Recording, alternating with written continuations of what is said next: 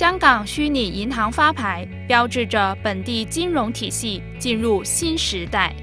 Vlab 汇利金融控股是八间获得虚拟银行牌照的单位之一。公司创办人于“一带一路”高峰论坛上剖析虚拟银行的发展前景。一啲投資銀行嘅 analyst report 咧，咁佢哋出嚟都預計到咧，將來香港誒 total retail banking 零售銀行嘅 revenue 咧，可能至百分之十五咧，都去咗虛擬銀行度嘅。咁呢度係過十億計美金金額嚟，第一步，可能開始會有人開始試啦。可能佢會仲 keep 住傳統銀行個 bank account 嘅，虛擬銀行變咗個 second account。另一班嘅人就可能年輕人，年輕人可能佢嘅 first account 未來咧，就已經喺虛擬銀行發生。受惠于“一带一路”倡议，Vlab 将在香港累积的经验应用到沿线国家及潜在市场。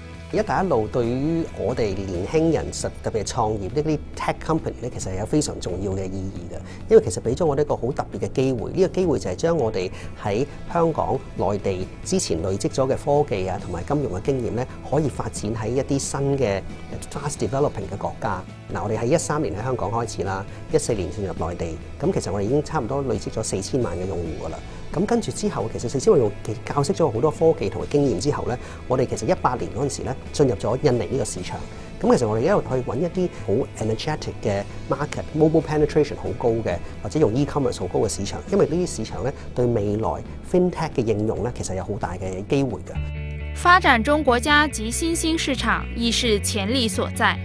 市場條件未及成熟，或成為日後發展的爆發點。非洲市場一模一樣都係咧年輕、好 energetic，同埋嗰個 mobile penetration 好高，同埋另一樣嘢可能傳統銀行靠分行嘅服務咧，因為距離比較遠或者可能成本比較高咧，可能服務得唔係幾好哋叫 unbank 嘅 population 好大，咁所以呢啲都會係我哋未來發展研究進一步 d o u l d enroll 呢個 expansion 嘅一個機會嚟嘅。Vlab 於二零一九年完成一點五六億美元嘅 C 輪融資，並繼續擴展虛擬銀行業務。扩张内地 B to B 企业对企业网络，并放眼新国际市场，香港的优势不可或缺。佢 set up 公司好容易啦，個税亦都好簡單。咁對佢對於誒個人私隱啊，個個人誒數據安全方面咧，嗰啲規規範係好好明確嘅。對我哋一個 startup 嘅發展係非常之需要嘅。咁同埋香港亦都有 cyberport 同埋 science park 對 startup 好大好大嘅支持啦，令到一個 startup 公司